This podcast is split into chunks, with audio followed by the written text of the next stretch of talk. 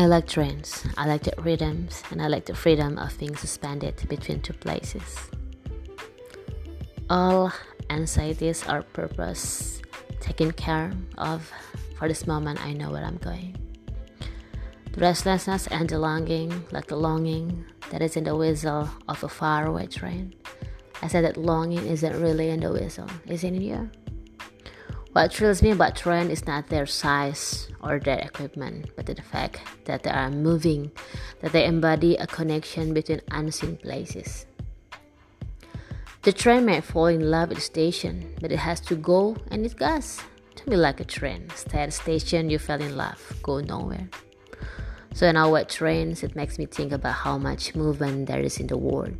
How every train has dozens of cars and every car has hundreds of parts and all those parts and cars work day every day, day after day. And then there are all these other motions. People are born and die. Seasons change. Rivers flow to the sea. Earth circle the sun and the moon circle earth. Everything whirling and spinning towards something. And I get to be part of it for a little while.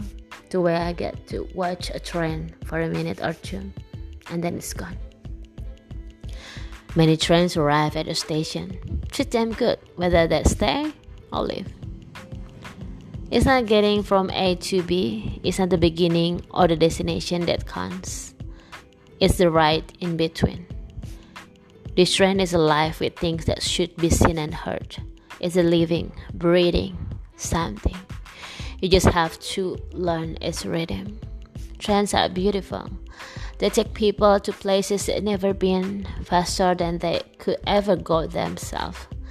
Everyone who walks on trains know they have personalities. They are like people. They have their own misery.